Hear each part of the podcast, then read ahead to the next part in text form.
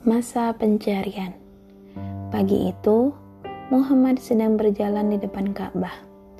Di sekitar Ka'bah, terdapat beberapa orang jamaah haji yang sedang tawaf. Aku memenuhi panggilanmu ya Allah. Aku memenuhi panggilanmu. Tidak ada sekutu bagimu kecuali satu sekutumu. Engkau memilikinya dan apa yang dia miliki. Terdengar jamaah haji itu menyerukan talbiyah. Talbiyah orang jahiliyah dulu beda ya dengan talbiyah yang diajarin Nabi sekarang. Nah, Muhammad tercekat mendengarnya. Hampir setiap musim haji, para jamaah haji melantunkan talbiyah yang aneh seperti itu.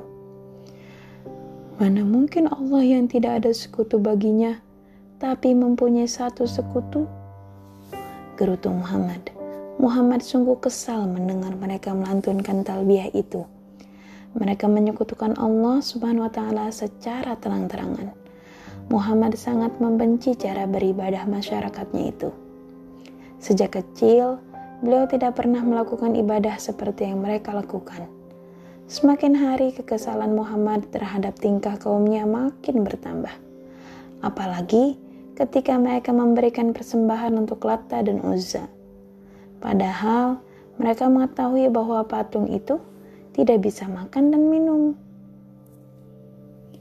Masyarakat Quraisy juga melakukan ritual persembahan khusus untuk patung-patung tertentu. Inilah yang membuat Muhammad prihatin. Apalagi tingkah laku mereka semakin tidak benar. Mereka sering menggunakan kekerasan atau menggunakan perang dalam menyelesaikan masalah.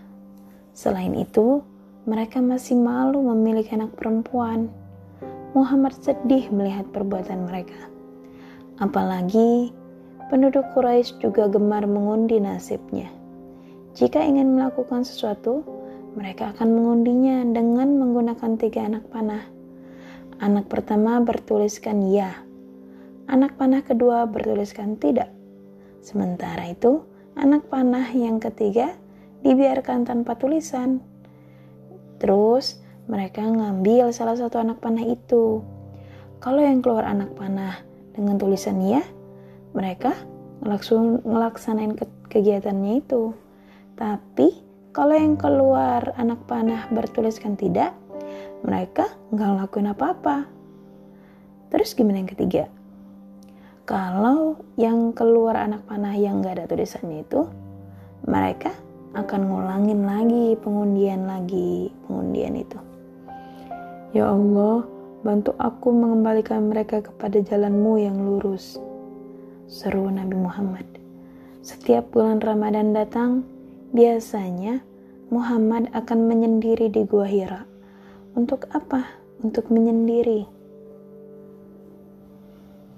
Beliau menyendiri memikirkan tentang hakikat kehidupan. Beliau memikirkan kehidupan masyarakat Mekah yang jauh dari kebenaran. Gua Hiro terletak di atas Bukit Nur atau Jabal Nur, sekitar 2 mil dari Mekah.